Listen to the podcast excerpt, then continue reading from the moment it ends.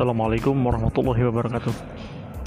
Hari ini Minggu 7 Maret 2021 dan uh, saya hanya ingin berbagi satu kebahagiaan atau kabar baik.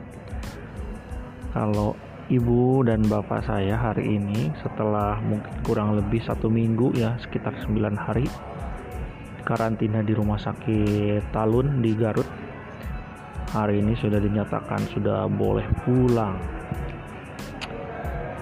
Artinya aman ya mudah-mudahan mungkin masih menunggu hasil swab terakhir. Dan kalau tidak ah, hari ini besok ibu dan ah, bapak saya kedua orang tua saya akan bisa pulang kembali ke rumah.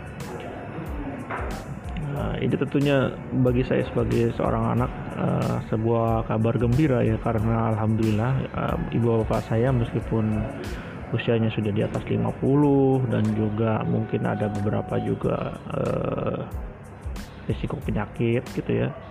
Ternyata selama 10 hari terakhir ini sejauh ini kondisinya cukup bagus. Gejalanya ringan ya untuk ibu saya yang kehilangan uh, indera pengecapan gajah gitu bapak saya malah sama sekali tidak ada gejala. Jadi uh, mereka kelihatannya cukup kuat ya karena memang masih aktif berak, uh, berkegiatan di masyarakat. Mudah-mudahan selalu fit dan ketika sudah pulang pun mohon doanya supaya tetap sehat fit uh, dan bisa ber kembali beraktivitas seperti biasanya. Nah terkait dengan hal ini uh, saya hanya ingin share saja bahwa pengalaman ibu saya memang uh, ada banyak apa ya semacam uh, ya hal menarik lah yang bisa saya share. Pertama ketika positif atau ketika ibu saya mengalami gejala itu pada awalnya ragu ya untuk memeriksakan ke dokter gitu untuk di swab antigen waktu itu pertama kali ya karena takut uh, di covid kan lah juga takut uh, ketika di swab itu sakit dan segala macam terutama sih yang mungkin juga kelihatan aja yang agak mereka menghindari itu uh, stigma dari masyarakat. Karena kalau covid positif kemudian ya harus tidak boleh ke mana-mana harus dikarantina di rumah bahkan mungkin dijemput ke rumah sakit dan yang lain sebagainya. Uh, akhirnya uh, asumsi atau mindset seperti itu menjadikan mereka agak canggung ketika untuk memeriksakan diri terutama bapak saya waktu itu tapi sebagai anak yang mungkin kita sayang dan khawatir kepada orang tua dengan resiko yang begitu besar saya kira seharusnya ya tes mau tes dipaksakan harus mau dites. Dan juga kalau hasilnya positif yang harus mau dikarantina.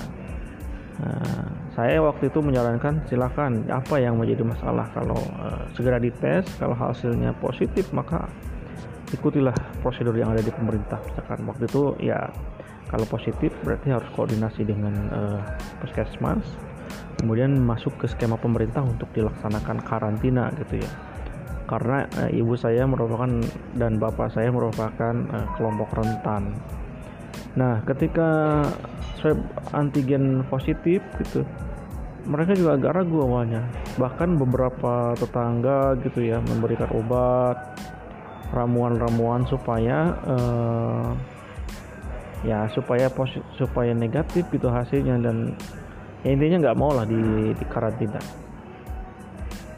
Nah ini juga saya kira memang satu problem yang mungkin juga masih ada di masyarakat kita bahwa masyarakat itu eh, kepercayaan ataupun eh, namanya kemauan untuk uh, mencari pengobatan gitu ya kemauan untuk dites atau kemampuan kemampuan untuk di karantina itu masih sangat rendah gitu. bahkan di kalangan-kalangan mereka yang eh, apa beresiko seperti ibu bapak saya sendiri ada banyak tetangga yang nggak mau gitu dites sama sekali bahkan ada yang anti vaksin ada yang nggak mau dites padahal sebetulnya dalam konteks pandemi seperti sekarang ini eh, itu sikap yang kurang pas gitu ya Nah, kalau dalam kajian-kajian kesehatan masyarakat itu ada namanya health seeking behavior.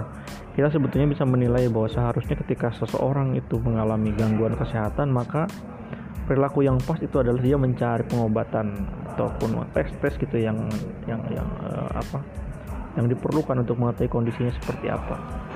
Nah, ini yang menurut saya e, berbahaya dan kasihan terutama bagi 20% mereka yang beresiko gitu bisa beresiko untuk mengalami gejala-gejala COVID yang parah.